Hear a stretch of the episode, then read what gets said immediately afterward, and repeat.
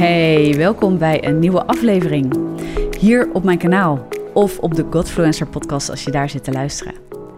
Leuk dat je er bent. En ehm, voor als je me nog niet kent, ik ben Tessa en ik spreek heel graag met je over geloof, God, mindset, de werking van je brein, gezondheid, gezondheidswetenschappen en eh, dat wat het leven ongenuanceerd op ons pad smijt en hoe we desondanks in de kracht van God, in de liefde van God, ons leven kunnen vormgeven.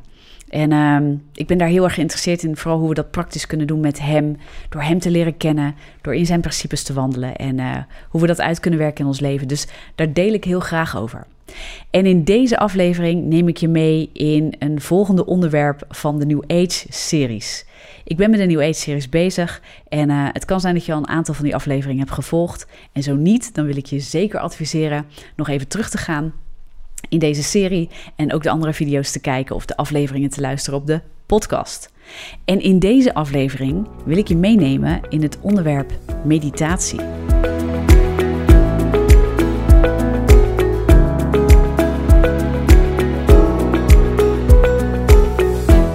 Waarom is meditatie nou zo'n interessant onderwerp om eens samen te bespreken, zeker ook als christenen? Nou, allereerst omdat meditatie door de Bijbel als heel iets waardevols wordt geacht. Maar die meditatie of die vorm van meditatie is wezenlijk anders dan de meditatie die momenteel vrij populair is in, ons, uh, in onze maatschappij. En die wordt aangedragen om uh, gezondheid te bevorderen, om je focus te verbeteren, om je mentale helderheid uh, te optimaliseren en dat soort dingen. Dat is een andere vorm van meditatie. En die meditatie die heeft heel erg zijn intrede binnen de gezondheidszorg ook. Dus je komt het snel tegen en het wordt snel eigenlijk geopperd als een methodiek om je beter te voelen, aan jezelf te werken, je gezondheid uh, te verbeteren, dat soort dingen. Dus dat ook christenen eigenlijk met de vraag komen van ja, wat moet ik met die vorm van meditatie? Kan dat wel? Omdat ze vaak wel meditatie of het woord meditatie kennen uit de Oosterse religie en daarmee het ook verbinden aan occultisme en dat soort dingen. En daar eigenlijk ver weg van willen blijven. Dus ook het woord meditatie misschien niet zo makkelijk linken aan de Bijbel zelf. Of in verwarring raken over, ja maar hé, hey, als christenen mogen we toch niet mediteren. Dus uh, daar moet je je niet mee bezighouden. Dat is niet goed, dat is niet van God. En eigenlijk dat wat de Bijbel erover te zeggen heeft, over bijbelse meditatie, daarmee misschien ook van de hand doen of daarover in verwarring raken. En daarom wil ik je gewoon eens meenemen in deze aflevering van nou, wat zegt de Bijbel nou over meditatie? Wat is het doel van meditatie bijbels gezien? En wat is dan het verschil met die Oosterse meditatie? En kunnen we ons daar dan wel mee bezighouden, niet mee bezighouden? En op grond waarvan dan wel of niet? Nou, daar wil ik je in meenemen. Nou, als je de podcast zit te luisteren, dan uh, zie je dat niet. Maar als je de video kijkt, dan zie je mij af en toe een beetje uit beeld kijken um, naar mijn scherm, waar ik uh, in mijn boek, uh, waar ik het een en ander heb opgeschreven en genoteerd, om je mee te nemen aan de hand van, ehm, nou, van die dingen ook. Van ja, wat is nou dat verschil dan? En um, laten we eerst eens induiken op wat bijbelse meditatie dan is. Want bijbelse meditatie is eigenlijk niet meer dan God centraal stellen. En in het centraal stellen van God, het willen leren kennen van Hem en zijn karakter uh, en zijn waarheid, daarin ga je zijn woord overdenken en overpeinzen. En daarover ga je met God in gesprek. En dat is ook een vorm van gebed eventueel.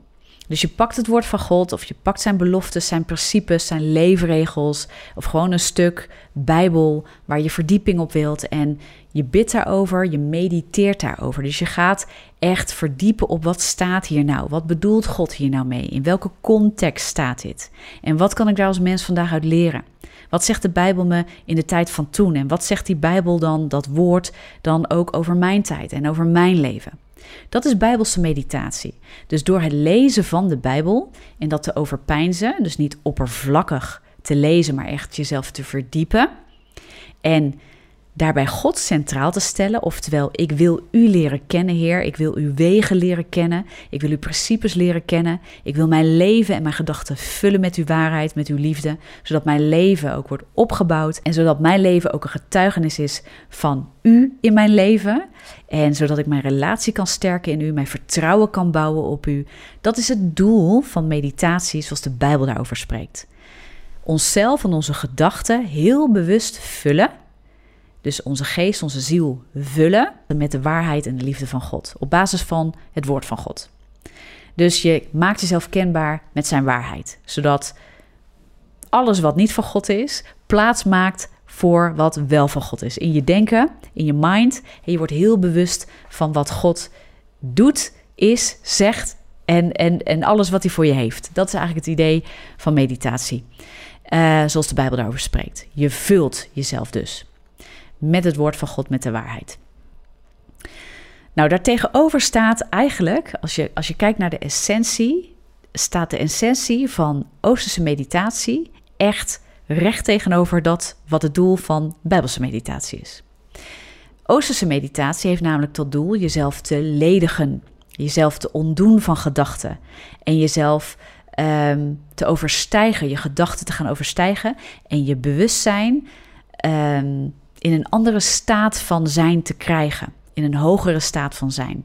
En Oosterse meditatie heeft zijn grondslag ook in het idee dat je jezelf moet gaan verlichten, dat je jezelf moet ontdoen van je ego, je valse ik, en dat je je ware ik, wat een goddelijke bron heeft, dat je dat steeds meer moet verbinden aan de goddelijke energie van het universum, waar jij intrinsiek mee verbonden bent.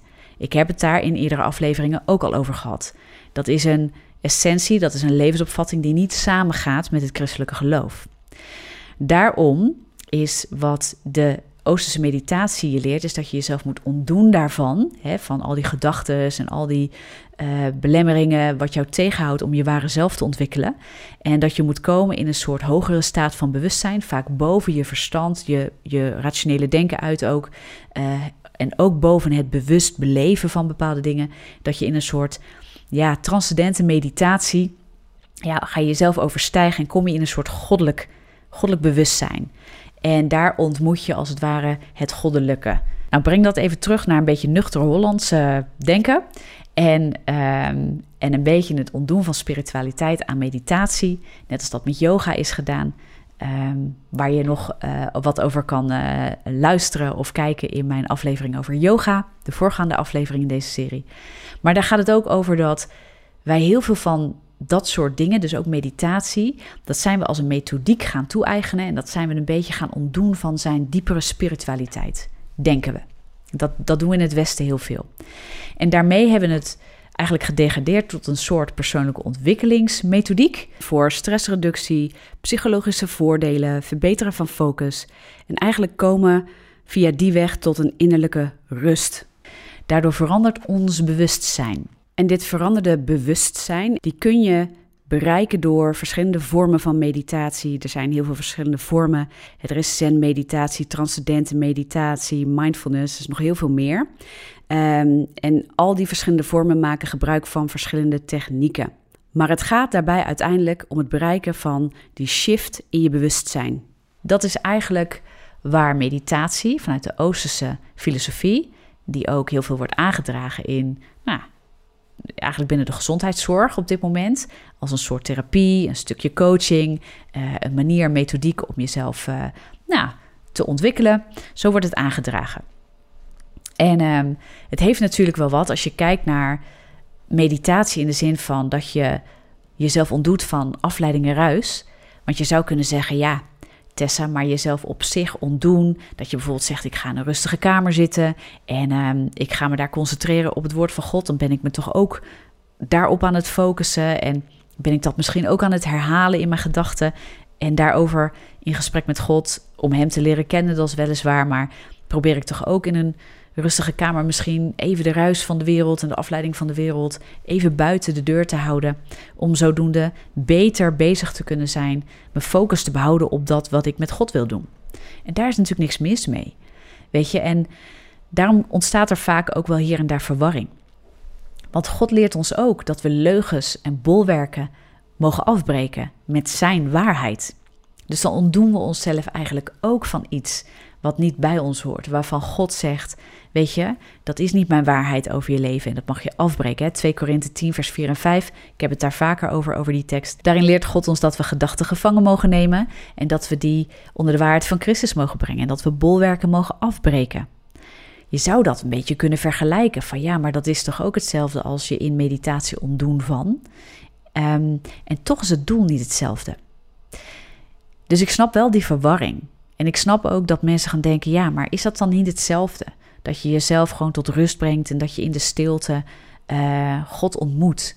De Bijbel spreekt daarin echter nergens dat stil worden voor God hetzelfde is als het compleet ledigen van je geest of het uitschakelen van je denken. En daarmee in een soort trance komen, in een soort andere staat van bewustzijn. En dat dat dan de manier zou zijn om in contact te kunnen komen met God, als middel om met Hem te kunnen communiceren. Maar dit zijn wel methoden en rituelen van onder andere dus de Oosterse religies, om in contact te kunnen komen met hun goden. En uiteindelijk ook om in contact te komen met het hogere goddelijke bewustzijn. Of met andere woorden, jouw intrinsieke goddelijke ware zelf. Wat de Bijbel betitelt als afgoderij en occultisme en deuren opent voor demonen. Dat is niet bijbels.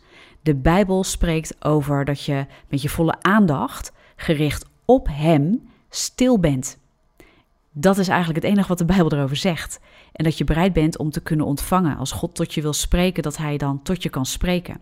Dus weet je, daar is niks mis mee. Het is niks mis mee om stil te zijn voor God, om afleiding buiten de deur te houden en je te focussen op Zijn woord en op Hem. Dat is goed. Dus dat je je focus ergens naartoe verlegt, dat is dus niet iets verkeerds. Dus dat maakt meditatie niet verkeerd. Alleen het doel van de meditatie, dat is wel van belang om echt goed voor ogen te houden. Meditatie op Oosterse wijze ontdoet jou van uh, het beoordelen, op gezonde wijze beoordelen van je eigen gedachten. Terwijl het woord van God zegt: vul je met waarheid, zodat je de leugens onderuit kan halen in je leven zodat je gevuld bent met waarheid, zodat je gefocust bent op mij, zodat je weet wie ik ben in je leven, zodat je weet wat je kan zeggen en spreken op grond van mijn woord uh, in jouw eigen leven en leugens achteruit kan drijven in je eigen leven, zodat je werkelijk wordt opgebouwd, bewust en dus niet door jezelf te onthechten van al je gedachten en emoties of jezelf te ledigen en vanuit die leegte uh, je innerlijk te verbinden aan een goddelijk hoger bewustzijn, maar heel bewust weet wat je bouwt in je leven door juist jezelf te vullen en niet te ontdoen van gedachten, maar te vullen met de juiste gedachten en leugens af te breken in je denken. Ik hoop dat ik een beetje voor je heb kunnen vatten wat meditatie is. Dat punt 1. En dat het verschil tussen Bijbelse meditatie en Oosterse meditatie vooral ligt in het bezig zijn met God en het vullen, heel bewust vullen van je gedachten, je ziel, je geest met zijn waarheid en zijn liefde, gebaseerd op diezelfde waarheid. En dat meditatie met God gaat over bezig zijn met zijn principes, zijn leefregels, zijn waarheid, zijn karakter, zodat jij wordt opgebouwd, jouw leven wordt opgebouwd in het kennen van Hem. Zoals Spreuk mooi zegt, zodat Hij je wegen eh, recht zal maken. En dat Oosterse meditatie gericht is op het zelf, jezelf ontdoen van je ego, je valse ik, komen tot een innerlijke verdieping waarin, jij het, waarin je eigenlijk contact gaat maken met je goddelijke innerlijke zelf. En het gevaar is dat als we dat gaan verwarren voor onze connectie met God, met de Heilige Geest alleen. En ja, de Heilige Geest is in je. Als je Christus hebt aangenomen, dan is de Heilige Geest is in je. En die woont in je en die wil je leiding geven. Van binnenuit ook. Dus daar kun jij connectie mee maken. Maar niet door eerst een bepaald een soort bewustzijnsshift te maken. Niet door eerst bepaalde methodieken toe te passen of mantra's toe te passen als een methodiek, zodat jij van binnenuit dan beter de stem van God kan verstaan. Op basis van jouw eigen werken en niet meer op basis van de relatie en het kennen van God zelf. En dat kan soms een hele dunne lijn lijken, maar dit is waar je focus uh, op zou moeten liggen als je beoordeelt voor jezelf van nou, hou ik me nou op de goede manier of de niet goede manier? Dat klinkt soms een beetje zwart-wit. Um, bezig met meditatie. Maar hou ik me bezig op de manier zoals de Bijbel spreekt over meditatie? Of ben ik stiekem eigenlijk een, een pad aan het bewandelen wat veel meer gaat lijken op een soort zelfverlichting en het wakker maken van een soort innerlijke, goddelijke staat van bewustzijn in mijzelf? En dan kom je op glad ijs, want als het woord van God niet meer je toetsteen is, als de relatie en het karakter van God niet meer je toetsteen is, ja, dan ga je begeven op een spiritueel vlak, wat voor christenen wel degelijk door God wordt afgeraden. En dat is hopelijk ehm, wat ik je heb mee kunnen geven in deze aflevering. En laat ik je nog een paar hele mooie dingen meegeven over hoe de Bijbel spreekt. Gewoon even een paar mooie teksten en hoe de Bijbel spreekt over, over de uitwerking van meditatie in je leven. Het is nogmaals, de Bijbel hecht echt waarde aan meditatie. En waarom? Omdat je Hem leert kennen. En omdat je jezelf vult met waarheid, zodat je leugens kunt afbreken. En, uh, en ook dingen spreekt en denkt die waar zijn. En dat vind ik zo mooi, want de Bijbel is er heel duidelijk over dat ons hart en onze gedachten worden beschermd als we mediteren op waarheid, als we ons vullen met waarheid. En dat is ten diepste waar onze werkelijke rust en vrede vandaan komen. Een prachtige tekst hierover is Filippenzen 4, vers 6 tot en met 9. En daar staat het volgende: Wees in geen ding bezorgd, maar laat uw verlangens in alles door bidden en smeken met dankzegging bekend worden bij God. En de vrede van God, die alle begrip te boven gaat, zal uw harten en uw gedachten bewaken in Christus Jezus. Verder, broeders, al wat waar is, al wat eerbaar is, al wat rechtvaardig is, al wat rein is, al wat lieflijk is, al wat welluidend is, als er enige deugd is en als er iets prijzenswaardigs is, bedenk dat. Oftewel, richt je aandacht daarop, mediteer daarop vanuit je relatie met God. En dan staat er vervolgens in vers 9: Wat u ook geleerd en ontvangen en gehoord en in mij gezien hebt, doe dat. En de God van de vrede zal met u zijn. Dat is echt heel mooi. Weet je, als we daarover bidden, als we daarover mediteren, dat zijn de goede dingen van God.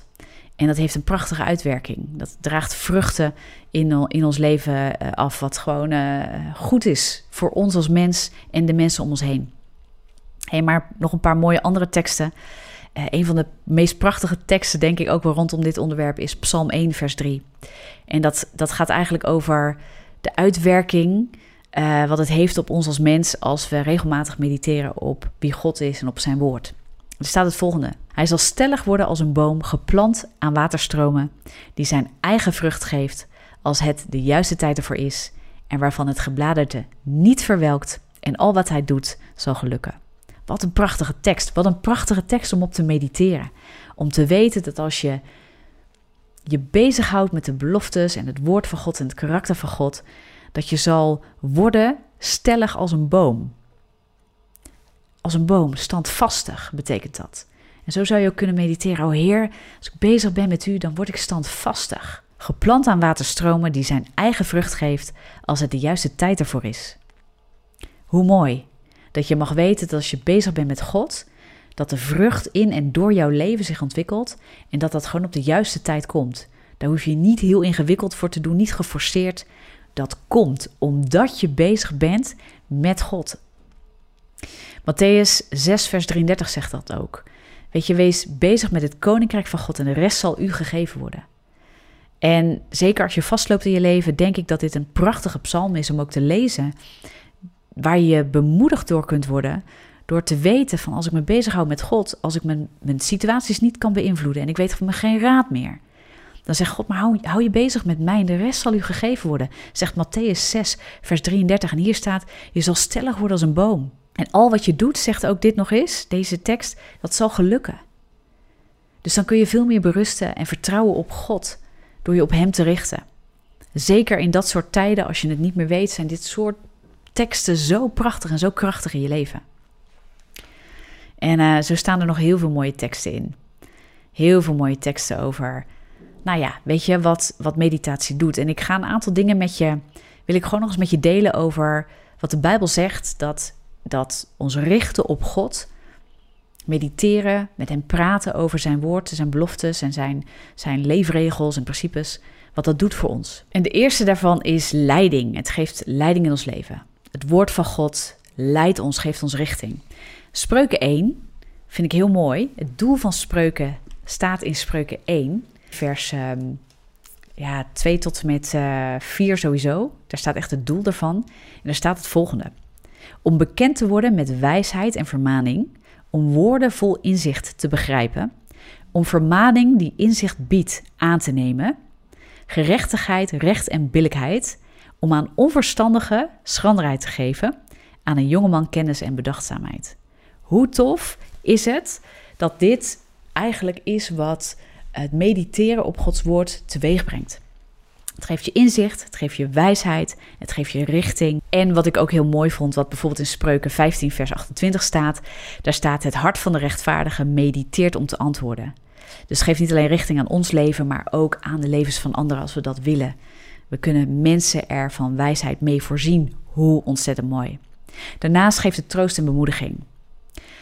Um, als ik kijk naar bijvoorbeeld uh, de psalmen, daar staat ook heel veel over hoe David te midden van zijn diepste, moeilijkste uh, struggles echt rust en troost vindt in de waarheid en de liefde van God, in Gods goedheid, die hij dan ook over zichzelf uitstort.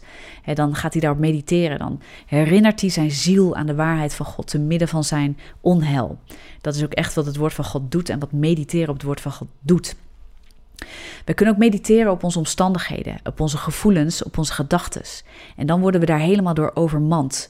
En dan zegt het woord van God: Ik heb liever dat je je laat overmannen door mijn woord te midden van je omstandigheden. Zodat je je vertrouwen terugwerpt op mij, dat je je focus terugwerpt op mij en dat ik je mag vullen en dat je emoties daardoor gevuld gaan worden in plaats van de overmanning door onheil of narigheid of andere zaken die jou geen goed doen. Dus te midden van onze omstandigheden biedt het woord van God troost en bemoediging, omdat het ons helpt te focussen op God en op Zijn waarheid te midden van alles en uit Hem en dat zegt het woord van God. Uit hem is vreugde, leven en vrede. Gods geest draagt dat in zich en dus in jou met je mee. Maar je moet je eigen ziel en geest wel onderwerpen daaraan. Dus het is ook een vorm van onderwerping en daardoor ontvang je ook troost en bemoediging in hele zware situaties. Vreugde. Ja, psalmen, spreuken, maar gewoon de hele, de hele Bijbel spreekt erover dat vreugde echt een uitwerking, een vrucht is van het mediteren op Gods woord. Psalm 145, vers 5 en 6. Daar staat ook: Ik zal spreken van de heerlijke glorie van uw majesteit en van uw wonderlijke daden. En het eindigt ook: Uw grootheid, die zal ik vertellen. Weet je, en het vult ons met die vreugde, die grootheid van God. Het herinnert onze ziel aan dat God veel groter is dan onze omstandigheden. Zekerheid. Zekerheid. Ja, dat is echt een gevolg van met God bezig zijn. Psalm 19, vers 14 zegt het volgende: Laat de woorden van mijn mond en de overdenking van mijn hart welgevallig zijn voor uw aangezicht, heren, mijn rots en mijn verlosser. Zekerheid komt echt voort uit vertrouwen en ten diepste ook uit de mate waarin we op God vertrouwen. Ik geloof daarbij ook dat bijvoorbeeld zelfvertrouwen voortkomt uit een leven gebaseerd op Gods principes, waarin je niet zozeer streeft naar ongezonde perfectie, maar naar integriteit, Oftewel, als je ja zegt, dat je ook ja doet. Of andersom, als je nee zegt, dat je nee doet. En dat je die integriteit nastreeft naar God, naar jezelf en naar anderen. Vertrouwen of zekerheid maakt je in zichzelf niet hoogmoedig, maar bemoedigt je te gaan voor het goede en door te zetten als het moeilijk wordt, omdat je jouw identiteit en kernwaarden bouwt op de rots. Daarin vind ik spreuken 3, vers 5 en 6 zo krachtig. Vertrouw op de Heer met heel je hart Steun niet op eigen inzicht. Denk aan Hem bij alles wat je doet, dan baant Hij de weg voor jou. En zo staat het boek Spreuken vol met wijsheden voor ons leven. En wijsheid is dus ook zo'n vrucht wat voortkomt uit onze wandel met God, het mediteren op zijn woord. En weet je dat mediteren, dat gaat erover dat je gevuld bent met waarheid. Weet je, als omstandigheden en gedachten van zelfdestructie of vernietiging of angst of noem het op. Zelfhaat, uh, negativiteit, dus naar zelfbeeld. Uh, weet je, je kunt zoveel opnoemen wat ons kan vullen en ongelooflijk kan verlammen. En zeker als dat een patroon is in je leven, een bolwerk is in je leven, dan vult dat ook je emoties. Emoties zijn supersterk. Maar emoties staan altijd in relatie tot een, een heel gedachtenspel in ons hoofd. En daarom zegt de Bijbel: vernieuw je denken. Vernieuwen van je denken is eigenlijk het mediteren op de goede dingen van God, zodat je denken wordt veranderd en daarmee je emotionele gemoedstoestand of je innerlijke wereld ook wordt veranderd. Niet door zelf een soort ander bewustzijn te gaan creëren. In de zin van dat je een hoger level van je goddelijke bewustzijn gaat bereiken en daar in een soort staat van zen um, over je gaat komen. Nee, God zegt: je identiteit, je leefwereld, je gemoedstoestand, die kan je laten vullen door te focussen op de waarheid van God. Door waarheid je hoogste goed te maken. Door God je hoogste en belangrijkste prioriteit te maken. En Hij zal je paden recht maken. Hij wil betrokken zijn in jouw leven. Hij wil jouw leven richting geven. Hij wil zijn waarheid in je uitstorten en zijn liefde. Door zijn Heilige Geest en door zijn woord. Door je daarin op te bouwen. En dat wordt eigenlijk de basis voor je gemoedstoestand. En vanuit die gemoedstoestand vloeien vaak ook de uitingen van het leven. Dat is wat Spreuken ook zegt. Bewaar je hart boven alles. Want daaruit zijn de uitingen van het leven. Wat leeft in je binnenste heeft ontzettend, ontzettend veel effect op hoe jij je voelt. Onze hoop is op de dingen die we niet zien, maar die wel uitwerking hebben op ons leven. Geloof vestigt zijn hoop op God en niet op de dingen die we zien. En dat maakt dat wij vreugde kunnen ontvangen en vrede kunnen ontvangen te midden van wat we zien. Want onze hoop is veel groter. Onze hoop is op Jezus. Onze hoop is op een eeuwig leven. Niet alleen het leven nu, maar ook een eeuwig leven. En Jezus is gekomen om ons uh, te geven, het leven en dat in overvloed. Ja, en hoe mooi om daar eigenlijk deze aflevering mee af te gaan sluiten. Ik hoop dat deze aflevering je heeft kunnen helpen bij het nou ja, kunnen herkennen van het verschil tussen Bijbelse meditatie en Oosterse meditatie. En dat je dus niet alleen als je het woord meditatie hoort uh, in de kramp hoeft te schieten en denkt, oeh, dat kan en dat mag allemaal niet. De Bijbel heeft het ook over meditatie. Maar wat mijn doel is, is dat je goed het onderscheid weet tussen wat het doel en de focus van Bijbelse meditatie is ten opzichte van Oosterse meditatie. Ik zou zeggen, be blessed. Als je deze uh, video of podcast kan waarderen, deel het dan. Zorg dat je geabonneerd bent. Zeker ook op uh, YouTube. Zorg dat je even op de uh, dat je abonneert, maar dat je ook even op de bel klikt, zodat je ook altijd een melding ontvangt als er een nieuwe aflevering komt. En uh, weet je, het is heel gaaf, want deze dingen, deze video's, deze content worden allemaal mogelijk gemaakt door de partners en de giften die we ontvangen. En misschien vind je het ook wel heel gaaf om mee te bouwen met ons en te zaaien in het Koninkrijk van God. En ons op die manier ook echt te helpen om dit te blijven doen en het verder uit te breiden. Overweeg dan zeker om een gift over te maken of om partner te worden van Tessa van ons Ministries. Want dat maakt het mogelijk. Alle mensen die op die manier bijdragen en helpen en achter de visie en missie staan, dat helpt ons, dat helpt mij om samen met het team, samen met de stichting, deze content uit te breiden en mogelijk te maken. En uh, ja, we willen alleen nog maar steeds meer van dit soort content naar buiten brengen. Om je te helpen, om krachtig te staan met God en de praktische vragen van het leven aan te gaan met Hem. En daar uh, ja, eigenlijk je standpunt op in te kunnen nemen, sturing aan te kunnen geven, richting in te ontvangen en je leven vorm te kunnen geven. Vergeet daarnaast ook niet te connecten op de social media platformen. Of als je op de hoogte wil blijven via mail, ga dan even naar de website tessavanos.com en schrijf je erin voor de nieuwsbrief. Nou, wat kan ik je nog meer meegeven? Niet zoveel, denk ik. Ik ga lekker afsluiten. Dus uh, bij deze, wees gezegend en ik spreek je heel graag in de volgende aflevering.